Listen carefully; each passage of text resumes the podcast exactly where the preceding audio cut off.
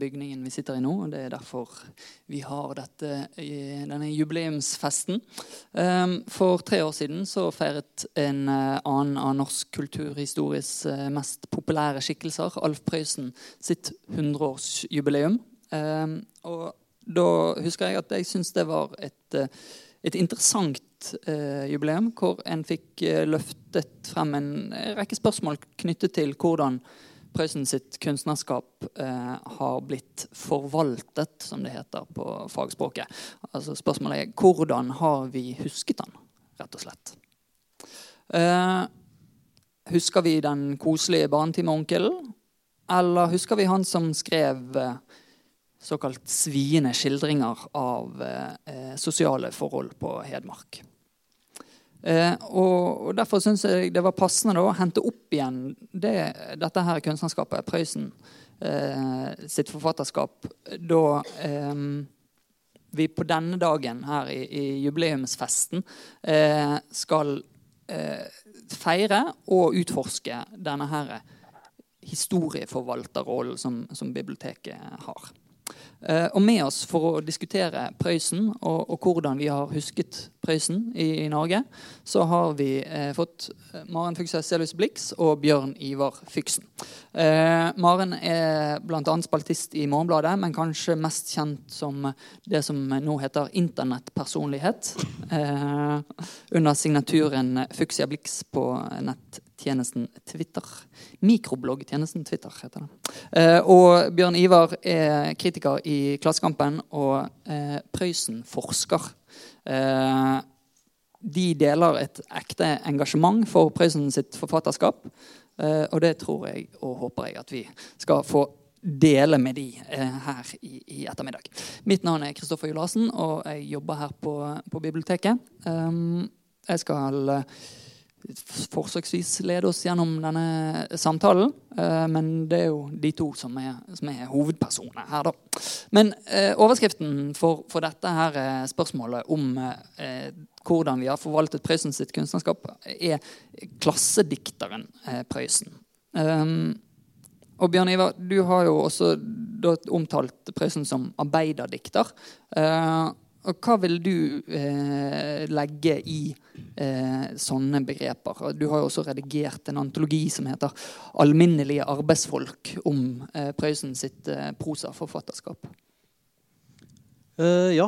ja. den, den tittelen uh, 'Alminnelige arbeidsfolk' det er jo nærmest sånn beskrivende for uh, hvem han skriver om. tenker jeg da. Altså, det er arbeidsfolk, og det er liksom en av de tingene som gjør at Hva?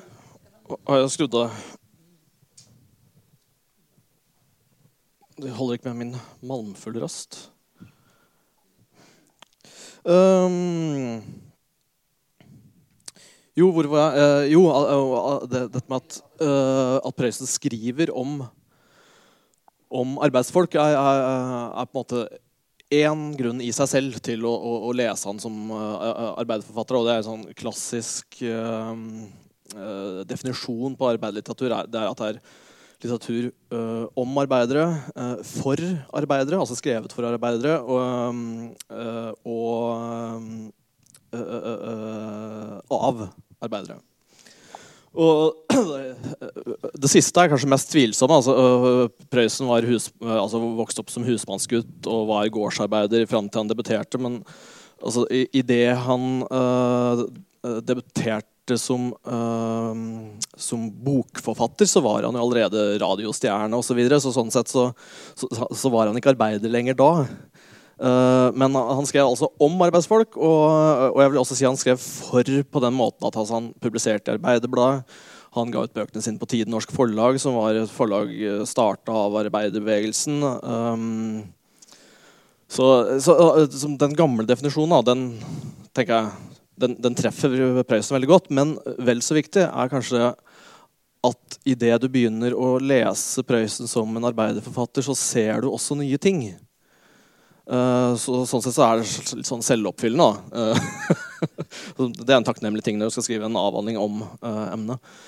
at man, man, man, finner det man leter etter. Men i hvert fall jeg, jeg, jeg, tenker at det er en nyttig, nyttig ting da, å lese, lese, dette forfatterskapet med de altså klassebrillene på. Fordi, fordi, det er ikke noe sånn typisk altså Det er ikke noe politiske budskap sånn veldig opp i dagen. Det er, uh, Tvert imot så forfekter jo personene til Prøysen gjerne sånn uh, individualisme. da. Ikke minst hovedpersonen i den mest kjente utgivelsen hans, nemlig 'Tross i taklampa'. Men allikevel, når du begynner å, å, å, å se hvordan Gunvor i Smikkstuggen, som hun heter, da, hovedpersonen, hvordan hun handler, og hvorfor hun handler som hun gjør, så, så tenker jeg at det, det, avdekker på en måte en, uh, en holdning uh, hos forfatteren, eller kanskje mer i teksten. Mm. Uh, du har jo da vist at i Prøysen samtid så ble denne siden ved forfatterskapet ikke så veldig godt oppfattet i Norge. Mens i Sverige så var det, var det annerledes. Eh, ja. Mm. ja. ja. det er litt pussig at uh, altså den, den, ble oversatt uh, i 54, altså fire år etter norske utgivelsen. Uh, og da, da, da, gikk den rett inn i en sånn serie med arbeiderlitteratur der, som er utgitt av Folkebilds uh, forlag i Sverige.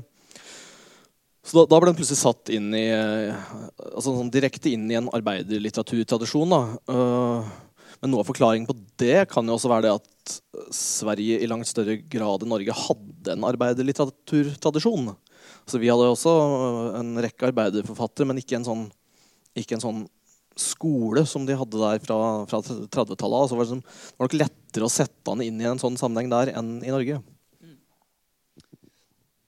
Men eh, for å nå legge eh, grunnlaget for den, den videre samtalen eh, Nå har vi vært gjennom jubileet, selvfølgelig, og da var det mange spørsmål som ble reist på nytt og, over Prøysen sitt forfatterskap ble, ble satt uh, i, i, plassert i ny, på nye posisjoner og, og, forstått på andre måter. Men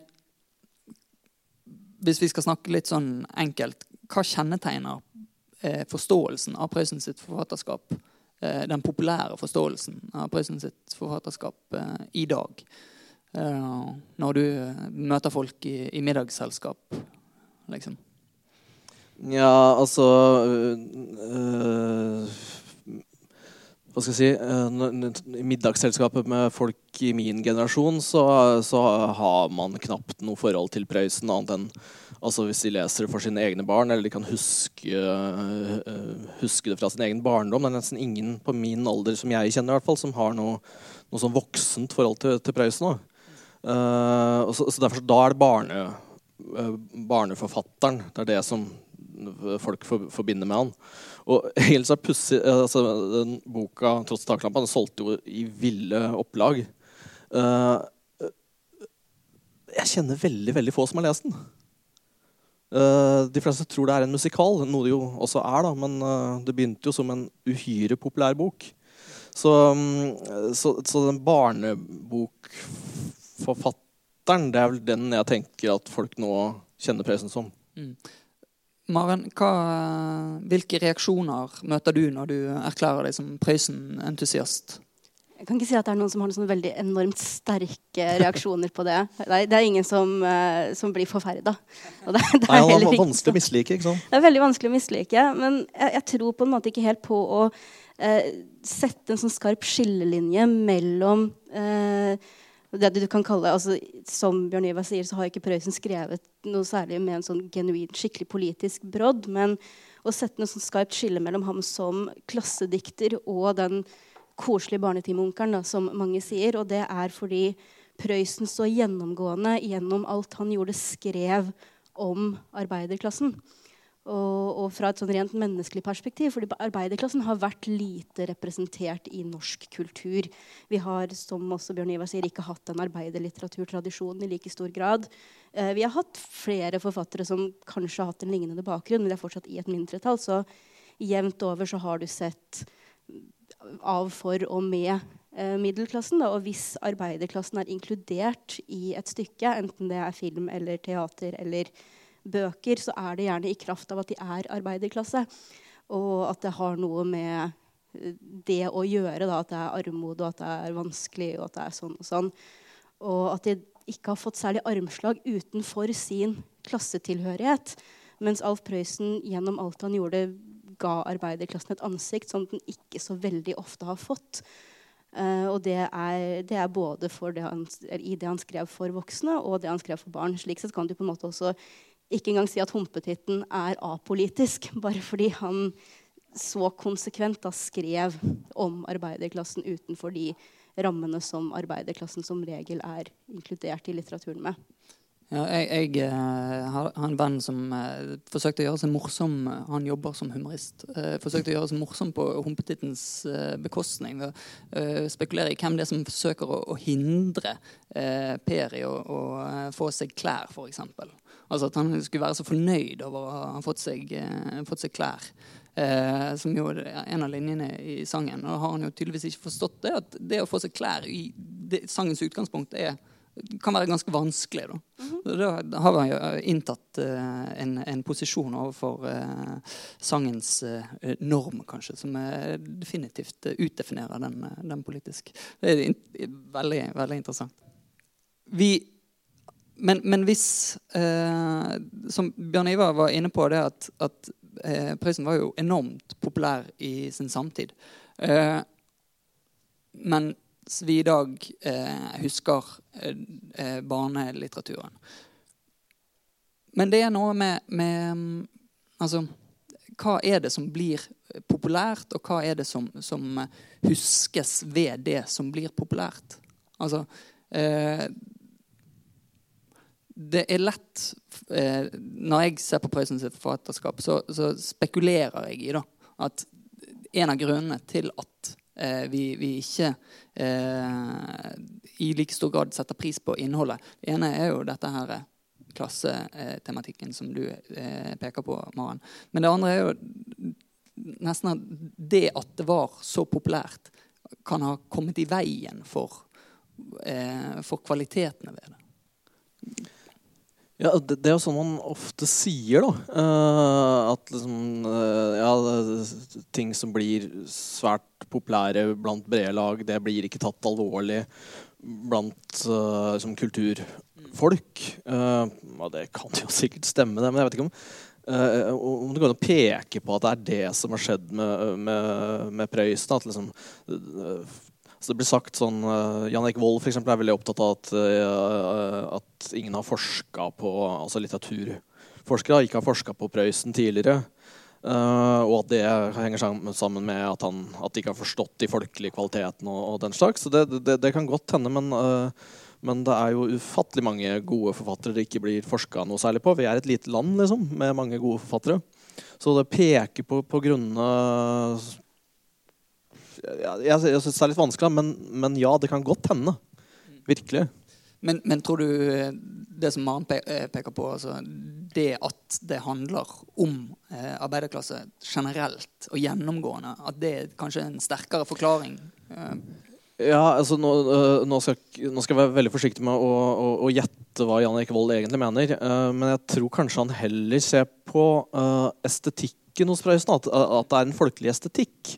Uh, altså, ja, arbeiderklassen er representert uh, i forfatterskapet ved at de rett og slett befolker uh, forfatterskapet, men, men, det er jo også liksom, arbeiderklassens og det, det brede lags estetikk han bruker. Da. Det er folkelige viser. Det er, er, er liksom på en måte en gjenkjennelig gjenkjennelig og, og, og, og, radiovennlig estetikk. Så, så liksom arbeiderklassen er representert på den måten, tenker jeg. Da. Selve kunstformen. Og det, det, tenker jeg gjelder både prosaen hans og, visene. Hva tenker du om, om det, Maren? Altså at, at uh, formen i seg sjøl har stått i veien for uh, middelklassen sin evne til å, å gjenkjenne det som uh, noe som er bra? Eh, den kan nok det. Jeg synes uh, Alf Kranner har gitt ut en bok om sitt vennskap med Alf Prøysen. Og han går gjennom det jeg nærmest vil kalle tre stadier da, i sitt vennskap med Prøysen. Uh, først, da han ikke kjenner Alf Prøysen, så tenker han litt på ham som en litt sånn avdanka visesanger. Veldig sånn lavkulturell, har kanskje ikke så mye å komme med. Og så blir de venner faktisk på en tur til Bergen. Eh, og da begynner han å liksom skjønne at eh, Alf Prøysen er en veldig belest mann. Han er intellektuell, og han eh, jeg vet ikke, Han introduserer Alf Kranner da, for en litt annen side av skillingsviser og alt mulig. og eh, Alf Kranner slipper jo til slutt en plate som heter 'Allmuens opera', fordi at skillingsvisene og den kulturen på en måte er nettopp allmuens opera. Og jeg tror sånn etter hvert, sånn akkurat i Prøysens samtid, så var det nok mange i den kulturelle eliten som bare avskrev ham ganske mye, selv om han var umåtelig populær. Det er jo litt det du, du stiller spørsmål om også. Eh, I ettertiden så jeg tror det er mange som har kommet frem til at han egentlig hadde veldig mye for seg, og at de liksom setter litt mer pris på ham nå, men så stopper det gjerne der.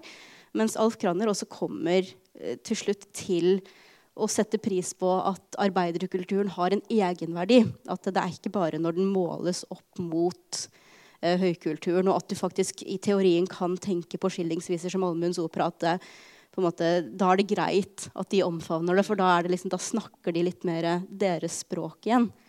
Eh, og det tenker jeg også på litt angående det jeg sa tidligere, at når arbeiderklassen er representert i kultur, så er det gjerne Du har sånn tre stereotypier som gjerne eh, dukker opp. Og du har én som er en sånn litt sånn vulgær, uutdanna grobian som kan være en antagonist. liksom, Han kan være litt sånn skurk. Hvis han er i en sånn barne-TV-serie, så bruker de det for å humanisere ham. Han har det vondt hjemme, så han er derfor litt slem. Og så har du den som også er litt sånn uutdanna, men har et hjerte av gull. Eh, så har ikke den formelle kunnskapen, men er egentlig veldig still. Og disse forekommer også i Prøysens, men det er veldig mye større enn det. Og så har du den siste, som også Prøysen inngår i, og det er arbeiderklassehelten. Den beleste og intelligente som heller ikke har den formelle utdanningen, men som middelklassen kan omfavne fordi de har liksom samme begrepsapparat. De er liksom nær nok til at de ikke trenger å ta noe oppgjør med fordommene sine. Og de kan bare si at 'se på min arbeiderklassevenn'.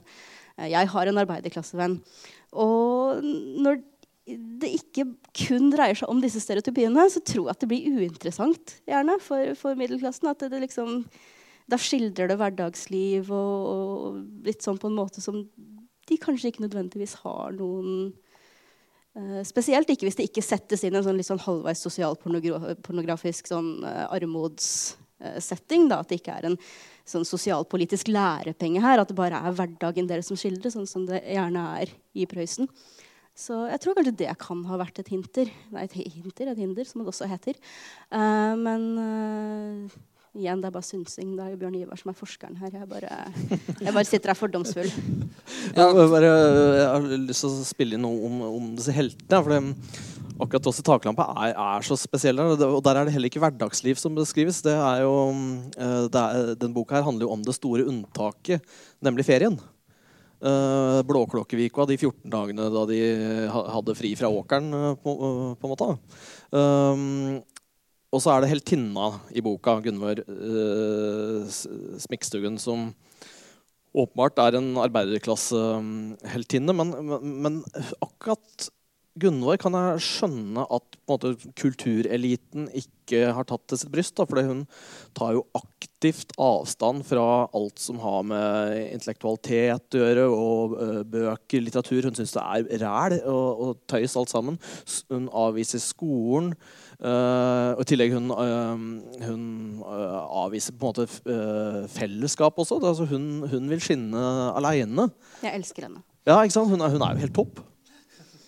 Uh, men, men, men, fra en sånn hva skal jeg si, uh, venstreintellektuell uh, synsvinkel så er hun kanskje ikke liksom, det perfekte mennesket. men, men har, har, hun blitt lest? Altså, har, finnes det kommentarlitteratur på, på, dette? Eller er det kan vi ja, bare spekulere i, i, hvordan det har blitt mottatt? Ja, Det finnes kommentarlitteratur, men, men, veldig lite, og veldig mye av det er skrevet av samme person. Så, så det er det, liksom det det er ikke Hun er ikke så bredt behandla i, i, litteraturforskningen. Men, men uh, dette er jo uh, uh, umåtelig interessant, dette her med en, en, helt som ikke lever opp til det boklige publikummets idealer. de tradisjonelle idealene. men hvis vi kan gå, gå litt videre på samfunnsskildringen. du har omtalt uh, Prøysen sin behandling av, klassetematikk som finstemt. Og det har vi allerede vært inne på, altså indirekte. Um, men hva er det som, som kjennetegner det både det samfunnet han skildrer, og, og måten han skildrer det på? Det som kjennetegner det samfunnet han skildrer, er kanskje først og fremst at det er et, et, bygdesamfunn som vi ikke helt har lenger, og som også på Prøysens tid var temmelig spesielt. Da det var nesten bare på, altså på Hedmarken, Ringsaker-området, eh, at, at, dette husmannsvesenet levde videre så, eh, så lenge. Og det, eh, helt tatt, sånn tidligere også, Husmenn på Vestlandet var alltid noe helt annet enn det var i Hedmark. da. Så, så liksom det, det, er ganske sånn Eh, med våre øyne nesten sånn eksotisk miljø. Enda, altså, det, er, det, er, jo ikke så lenge siden. Uh, så måten han, han, skildrer på, er vel uh, Hva skal jeg si om det? Um, det, er vel det at det alltid er fra deres Altså forsøksvis, i hvert fall, fra deres eget perspektiv. Uh, arbeiderklassen, hus, husmannsfolka, tjenerne, de blir veldig sjelden sett ovenfra, beskrevet utenfra. Uh, der, der, der, uh, brukte han nok veldig sine egne sånn barndoms- og ungdomserfaringer. Da. Som jo var litt, litt begrensa. Uh, også jeg tenker at han han skal ha vært en sånn, uh, sånn klønete uh, unge som helst ville sitte inne og lese. Og den slags. Så derfor så, altså det ser jeg som en grunn til at det er utrolig mange kvinner, husmødre osv. i forfatterskapet. Han visste mye mer om det arbeidslivet enn, enn hva faren faktisk gjorde på åkeren. Eh, som leser, eh, Maren, eh, og lytter, hva er det i, i Prøysen sine samfunnsskildringer som du syns er, er, interessant og, og givende å, befatte seg med? Altså, er det bare det historiske, eller er det noe mer der? Altså, det er litt det jeg var inne på før også, at arbeiderklassen får en sjanse til å, å, bare være mennesker uten at det ligger en politisk agenda bak det. Uh, selvfølgelig så er det også veldig mye med gjenkjennelsesfaktoren, siden jeg også kommer fra Hamar og har vokst opp med Prøysen. Og, og, selv om samfunnet hadde endret seg betraktelig det jeg kom til, så, så er det fortsatt en sånn bygdekultur du kjenner igjen. Og, og den snerten som Prøysen også har i, i det. Og så er det òg litt sånn interessant å komme tilbake til Prøysen som voksen og kunne lese det han skrev for voksne som de ikke hadde noe forhold til som barn selv. Og det er et intenst stort volum. Han skrev og produserte så veldig mye at jeg går på en måte aldri tom. Det, det, det er alltid mer. og det er sånn når du går tom for offisielle utgivelser, så kan du gå i kjelleren på Nasjonalbiblioteket og sitte i Prøysen-arkivet deres og se på sånn tre tonn med notatbøker og sånn der. Så det, det, er en veldig sånn utømmelig kilde. Men jeg, jeg, tror nok at det Bjørn Ivar også sier om at det er veldig eksklusivt til Innlandet, det han skildrer, kan altså, så Der det på en måte gjør at innlandspublikummet blir ekstra begeistra, så kan det jo virke litt fremmedgjørende på publikum utenfra. Og også det at han, altså han, han malte jo ikke bønder som fiender i, i, i, på den måten, men han hadde jo veldig mye antipati mot storbøndene. Og i Hedmark så er det, en, er det mer en storgardskultur enn der ellers i landet, hvor folk tenker på bønder gjerne som småbrukere, dyreholdere etc. Mens i, på Innlandet på den tiden så var det jo overklassen. da. Og, og, folk som på en måte holdt dem litt nede. Og det skildres jo også veldig bra i Trost i taklampa, hvordan de som kanskje er et par hakk over de andre, kan til stadighet minne husmennene på hvor eh, hvor mye ære det ligger i å jobbe med jorda. At det er liksom eh, Det er, en sånn intens hersketeknikk. da, at det, når, når, de begynner å ville ut til byen, og sånne ting, så, så, er det veldig sånn uforståelig. Fordi du aner ikke hvor heldig du er som får jobbe med jorda. Det er, dette er helt fantastisk, sier de da som ikke ville tatt i en spade selv om de fikk en million for det. Så Nei, og det, det, er jo akkurat det her som er så spesielt med akkurat det uh, samfunnet han beskriver. Altså, for vi ser jo på bønder som liksom hardtarbeidende folk som står opp med kua og holder det gående til, til sola går ned. Men altså, de, disse store bøndene de behøvde jo ikke å jobbe. De hadde jo folk til å gjøre jobben. Og det er, det, det er jo så uvanlig i norsk sammenheng ellers, da. Men hvordan fungerte eh, disse beskrivelsene i, i samtiden? Eh, hvordan, hvordan, eh, ble hans eh, innspill liksom fanget opp i det miljøet? Det har jeg bare sånne anekdotiske beskrivelser av. Jeg, jeg, jeg, har hørt at en del uh, storbønder blant annet, som skrudde av radioen når han uh, var på radioen og mm, mente at uh, det Prøysen holdt på med, var bare svineri. Um, uh, Jan Wold igjen har en fabelaktig anekdote om det, det som er, så, nei, er fra etter Prøysen døde, altså etter 1970 en gang. Der en um, storbondekjerring fra Hedmark, eller fra Ringsaken, Ringsaker, tror jeg, har vært på andre sida av Mjøsa på besøk hos noen slektninger eller noen på en gard på Toten. Og så sier denne Toten-kjerringa at det er ja, fæle greier med Prøysen som døde og så trist. Han, han, som var så stor. Så skal uh, Ringsaker-kjerringa ha sagt at det var sånn Stor? Han var ikke stor. Han var for en liten plass, han. Så han var ikke stor. Og liksom, når det henger igjen på 70-tallet, så er det sånn wow. Men, men, men jeg, jeg, gjenkjenner det fra det bygdemiljøet jeg er vokst opp i alt Liksom, bøndene er litt bedre enn de andre. da. Det er, er jo et, eh, et klasseperspektiv som er, som dere sier, nærmest uh, utradert i dag. Den norske mm. bonden er jo hovedsakelig truet, mm. selv, selv, de på større bruk. Um, men til det her med, med den indirekte tilnærmingen til klassespørsmålet. han er jo aktiv uh, på, i en periode like før vi får den store politiske vekkelsen i, i norsk politikk og, eller i norsk samfunnsliv. Den store venstreradikale vekkelsen. Altså det at han var så lite eh, Sånn helt så lite tydelig, da. At det ikke fantes noen agenda, som har en eh, sier i det han skriver. Ble det et problem for de som da skulle, skulle lese han eh, videre i denne perioden? Det, det kan godt, uh, godt, hende. Jeg tror i hvert fall ikke han passa inn i det altså i den politiske bølgen som kom, og i visebølgen som kom, osv. Uh, og, og sånn sett så er det kanskje sånn kunstnerisk sett greit at han døde da han gjorde. fordi han, uh, han var i ferd med å bli veldig umoderne, både sånn populærkulturelt det, det var en helt annen musikk som plutselig ble, begynte å bli spilt på radio osv. Uh, uh, hva skal jeg si sånn litterær, Den litterære stilen hans var jo virkelig på vei vekk på, på den uh, tida der. Og så i tillegg var, var, det en sånn politisk bølge, som du sier, som, som han vel ikke var med på. Så han var på en måte medlem av Arbeiderpartiet og litt sånn traust støttespiller der. da. Uh, selv om uh, Alf Kranner påstår at han har uh, ved ett tilfelle stemt SF.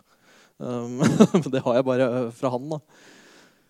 Hva var spørsmålet igjen? Nei, altså Spørsmålet igjen er, er jo hvordan eh, han har blitt tatt vare på som, som politisk dikter. Altså hvilken, hvilke eh, forutsetninger de, ja. som ligger i, i tekstene både sanger og, og sakprosa eh, Nei, både sanger og prosa, egentlig. For, for å lese den som en, en uh, samfunnsbevisst eller klassebevisst uh, dikter. Og hvordan det passet inn i et mer sånn eksplisitt Eh, klasseorientert eh, prosjekt. Maren, du har jo i, i, dine artikler og i et utall eh, Twitter-meldinger eh, lagt for dagen en ganske sånn eh, spisst blikk på, på, særlig middelklassen. Eh, og det er en, en, en eh, konfrontativ stil som vi kanskje ikke finner Du kan finner si jeg hetser dem. Det er Ja, helt greit. greit. Fint. Hetser? Jeg hetser. Eh, og det er jo ikke en, eh, en eh, en tilnærming som vi finner eh, samme sånn gjenklang hos eh, Prøysen, eller? Spør jeg. Nei, iallfall ikke uttalt. Veldig, men men, men det, det, ligger jo under, sånn som i skildringen. Eh, nå har vi snakka en del om, om 'Trost i taklampa', og det er bra, for eh, det er en helt fantastisk roman. Og der har du f.eks. dikteren eh, Lundjordet, som kommer tilbake. Han har også vært i byen, i likhet med Gunvor Smykkstuggen, som vi har snakket om. Og han har også vokst opp under litt sånn fattige kår, og nå har han kommet seg opp, og så drar han tilbake. Og er så ekstremt nedlatende. Han snakker jo selvfølgelig til alle om hvor fantastisk arbeid de gjør når de står og, og, og graver i åkeren. Og så samles de i den intellektuelle eliten på hotellet på kvelden, og så snakker de om bygdeoriginalene, og så ler de opp i taklampa, litt sånn derav eh, tittelen også. Men så, så tar de seg selv i det. Og da må de tenke psykologisk igjen, som Alf Prøysen sier det selv. Liksom, at selvfølgelig, de, de, ler jo ikke av, av, dem. Det er jo bare liksom, veldig interessant fordi de er så glad i dette lokalmiljøet. Og så drar de på fattigsafari og blir litt sånn sure hvis noen kanskje har anskaffet seg litt finere møbler enn sist, og tenker at det her er jo ikke det de dro fra. Det er ikke den nostalgien de er ute etter. Så um, Men, men gjenkjenner du dette fra, eh, fra som, eh, hva skal jeg si, en sånn utflytta middelklasse nå, som kommer, kommer hjem igjen? Uh, ja, altså det er så mye sånn ubevisst nedlatenhet i hvordan middelklassen gjerne forholder seg til arbeiderklassen. Uh, det er en sånn uh, litt sånn infantilisering. Og det er, ikke snakk, det er, ikke måte på hvor solidariske de egentlig er, da, spesielt av venstresiden. Men, men de ville jo ikke tatt i arbeiderklassekultur med en ildtang. Det, det liksom, det, så, så det finnes en sånn intens forakt der som ingen helt adresserer. Og de, de er sannsynligvis ikke veldig klar over den selv i veldig mange tilfeller. Så, så jeg tror det er liksom litt den dobbeltheten som jeg liker Og, jeg det er vel eh, det er to, eh, et skille til. Det er ikke bare middelklasse og arbeiderklasse, det er også bygd by. da. Det også, men jeg tror liksom både arbeiderklasse, middelklasse og bygd by, de skillene har jo blitt Ja, da, har veldig mye smalere. Men uh, samtidig så har du da en liksom mindre og litt nesten mer markert arbeiderklasse, da, som på en måte blir sett på som de litt sånn vulgære. og Mm, Det er de som stemmer eh, Frp og spiser Grandiosa og har på seg grilldress. Ja, Liksom. og bare, det er- apropos det, altså jeg tenker at Dette her er uh, grunnlaget for uh, Frp-koden skrevet i 1950. Liksom. Uh, ja, absolutt. Det, det må du jo forklare, utdype litt. Altså hva, hva du legger i at det er grunnlaget for, for Frp-koden. Det er i hvert fall sånn jeg husker denne, eh, denne boka som kom for en, kanskje ti år siden. eller sånt, Magnus Marsdals ja. bok om, om hvorfor Frp vokser frem. Ja, Ja, Som da het Frp-koden. Og, og en av de grunnene sånn, sånn jeg husker det, til at han mente at uh, Frp fikk uh, støtte, var at det fins en ganske stor befolkningsgruppe som på en måte er eh, lei av at noen andre mm, vet best. eh, at de har eh, mener at eh, de har bedre smak, de vet hva hva slags interiør man skal ha, hvilke bøker man skal lese, hva som er måte de riktige meningene å ha. og at det den irritasjonen da, over, over såkalte smaksdommere i den såkalte eliten, at det på en måte uh, gir Frp oppslutning. Eh, og etter å ha lest 'Tross i taklampa' en rekke ganger, så, tenk, så kjøper jeg argumentet tvert. Og, og jeg tenker også at det er en god grunn til å bli irritert. Da. Kan jeg bare dra frem sånn rent anekdotisk bare en sånn liten scene i 'Tross i taklampa', hvor den Perfekt. dikteren eh, jeg nevner, er i Åsmarken og vil kjøpe igjen et gammelt møbel som han har et nostalgisk forhold til, av en eh, gammel, fattig kjerring. Men hun har byttet bort det møbelet mot en eh, rød plysjsofa.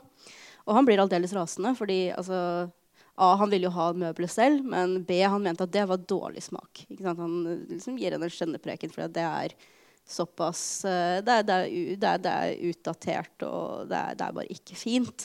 Men kjerringa selv syns jo at det er aldeles flott, og de må da ha likt det, de som hun kjøpte da i byen en gang også. Og det nevnes også, det her tror jeg er en litt annen setting i boka, hvor noen rett og slett bare tenker at hvis de hadde vokst opp med bare gråhet og grå vegger, så ville de faktisk satt, farger, eller satt pris på farger, de også. Selv om de nå syns det er glorete, i og med at de er smaksdommer. Og det er bare en sånn liten sånn mikroversjon av det du ser litt mer utbredt nå, som uh, Bjørn Ivar også snakker om, og den Frp-koden, at det er en nedlatenhet da, som eh, har grunnlag i en litt manglende forståelse for hverdagen til de som ikke tilhører middelklassen. Mm. Ganske aktuell kritikk av eh, norske interiør, interiørtrender på 00-tallet. Mm. i, i Ja, virkelig. Det en, en, av de viktigste konfliktlinjene i hele boka det går mellom liksom det, det grå, enkle og uh, Ja, nei, det grå og enkle og det fargerike, glorete. Uh, og det er ingen tvil om hvor sympatien i romanen ligger. da. Er, den ligger hos dem som, som går for det, det som glitrer. Mm. Men, men Prøysen sjøl, kan vi karakterisere han da som, eh, som glorete eller grå? Altså, er han en, en, eh, en som behersker eh, det subtile? Eller er han eh, Vi har snakket om at han har en folkelig form som kan være vanskelig for, eh, for litteraten å, å sette pris på. Men jeg, jeg har en mistanke om at, at, han likevel befinner seg i et sånt litt vanskelig mellomland der.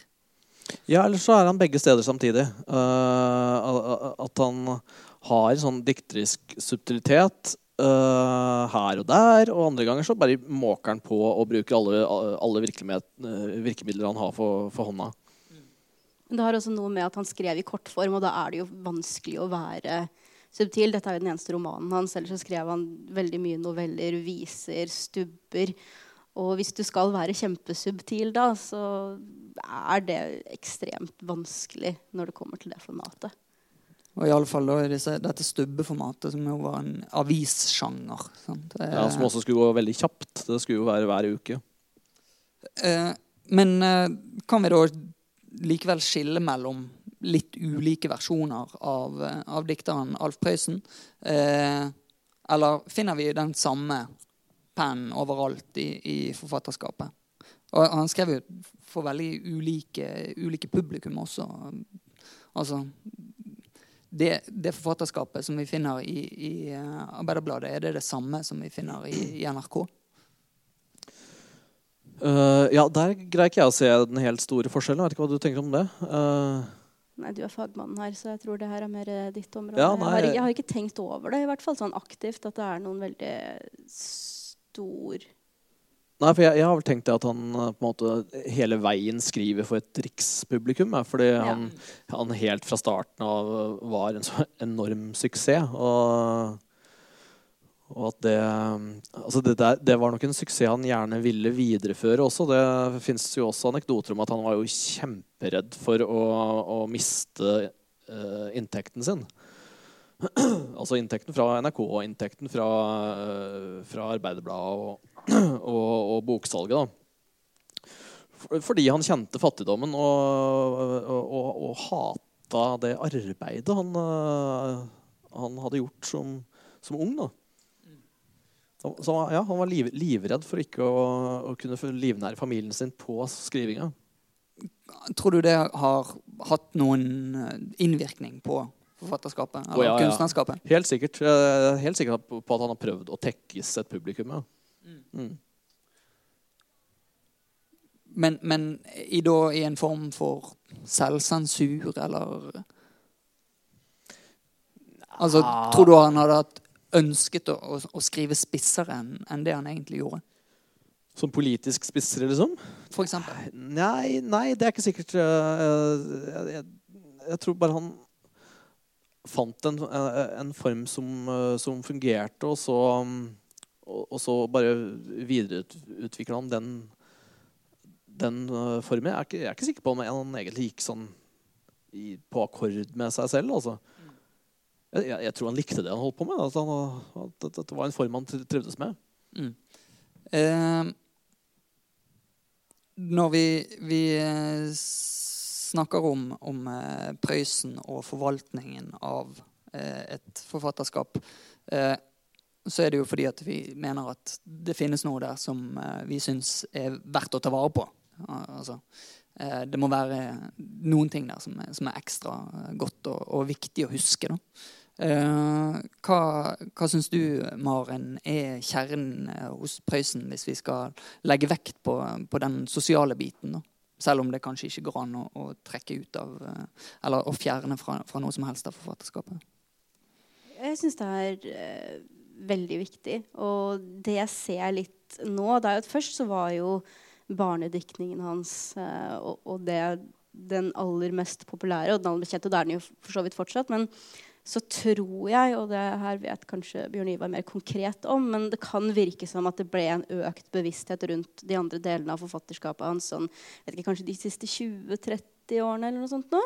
Mm, ja, siden begynnelsen av 90-tall. Da ja. føler jeg det er en bevegelse. Ja, ja men det er fint at uh, det ikke bare er uh, i mitt hode. Men det har kanskje blitt litt kuppa nå på en merkelig måte av uh, liksom de litt mer høykulturelle. For jeg har vært på spesielt i forbindelse med 100-årsjubileet hans for tre år siden. Og også i etterkant liksom vært på ganske mange arrangementer hvor jeg på en måte har blitt Jeg vet ikke om oppgitt er det riktige ordet, men du har f.eks. et arrangement da, som har som formål å hedre Alf Prøysens liv og virke. Og så, og du, du, har sikkert en allsang på uh, Bolla pinnsvin til slutt for å liksom samle stemningen, men du har liksom sånn du har en sånn hagefestelite som står og synger en sånn bossa nova-versjon av Slipsteinsvalsen. Og så har du en finsk sosiolog som har komponert en sonata som er basert på den internaliserte maskuliniteten til Snekkersvek Hara. Og det, liksom, det, blir litt for mye Møllerstrand, syns jeg. Uh, og, og, at det kanskje skulle blitt tatt litt tilbake i den folkeligheten. Og da mener jeg ikke å uh, si, simplifisere det nå. For det, ligger jo kjempemye der å ta tak i. Det er en veldig sånn tung kjerne av sosial kommentar og sånn der også, da. Um, men at litt av den folkeligheten har blitt kuppa litt. Grann, og det er jeg ikke sånn kjempebegeistra for. Det, det, er jo kjempeinteressant. For da, da jubileet sin eh, sånn store TV-hendelse var jo en sånn eh, Eh, folkelig eh, oppsetning der de eh, hadde en del tonesettinger og, og sånt. Så, og det ble jo nest, nesten en skandale. Folk var eh, kjempekritiske i avisene fordi at eh, det var for, for, lavt nivå, og det var for, for lite nytolking og, og for for lite cutting edge, da.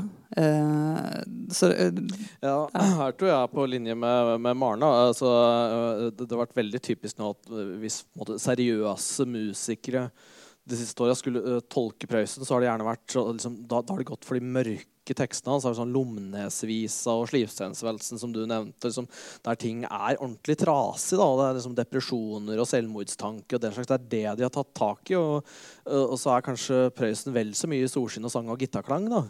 Um, og ja, uh, hvorfor ikke kjøre kjøre fram det med, med allsang og surtrompet. Kom igjen, liksom. Det Eh, men det er jo en, en eh, flott eh, et flott sted å, slutte liksom, denne samtalen her oppe fra. En oppfordring til å, å eh, ta tilbake det, det som tilsynelatende er enkelt og, og hyggelig. Mm. Men eh, vi har eh, tid til to spørsmål eller kommentarer fra, fra salen hvis det er noen som brenner inne med noe. Noe vi har glemt å, å nevne, eller noe dere skulle ønsket utdypet.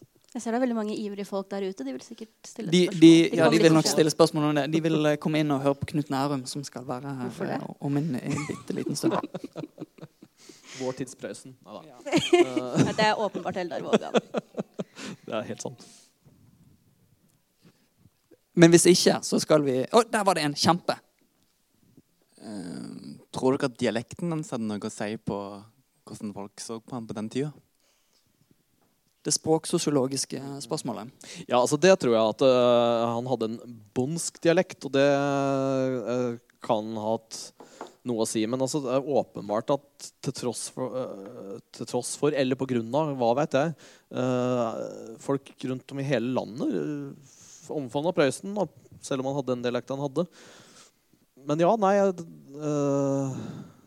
Det tror jeg kanskje kan ha hatt noe å si ja, sånn for en intellektuell eh, elite. at det ikke hørtes helt seriøst ut, liksom. Når, uh, Han skifta jo dialekt da han først kom til Oslo. Han, han snakker veldig klokkerent riksmål en stund. fordi han var jo veldig sikker på at han ikke kom til å bli akseptert som en person som kom med en litt sånn bondsk dialekt. Men så begynte han jo til og med å skrive på dialekt. Men jeg tror det kan være vanskelig for uh, et publikum som ikke har noe sånn spesielt forhold til innenlandsdialekta. F.eks. hvis du skal lese 'Trost i taklampa'. Jeg, jeg kan forestille meg at noen til og med kan ha problemer med i alle fall enkelte av uttrykkene og sånn som brukes Og det er vel også litt sånn stilnivåer som en bør kjenne litt til, eh, til forhold lokalt for å, for å skjønne hva ting betyr. det, det kan nok hende at noen ting går tapt hvis du ikke kjenner dialekten Mm. godt. da. Men det er ingen grunn til å ikke lese 'Tross i taklampen. Det er ingen grunn til det. Men jeg må også få nevne at uh, han, han snakka ikke den dialekten hjemme. Det er jo interessant i seg selv. da. Han, uh, I en av stubbene så omtaler han den Ringsaker-dialekta som han, han var oppvokst med, som dette rare målet han tjener penger på. Og det er vel òg en sånn greie med, med de, de dialektene, da, Toten og, og, og, og Ringsaker, uh, at det høres så koselig ut. Mm. En karnevalisering av sitt eget opphav. Men eh, flott. Da eh, sier vi eh, takk for oss. Tusen takk, Bjørn Ivar Fiksen. Tusen takk, Maren Fuksia Celius Blix. Det har vært en glede. Takk for oppmerksomheten.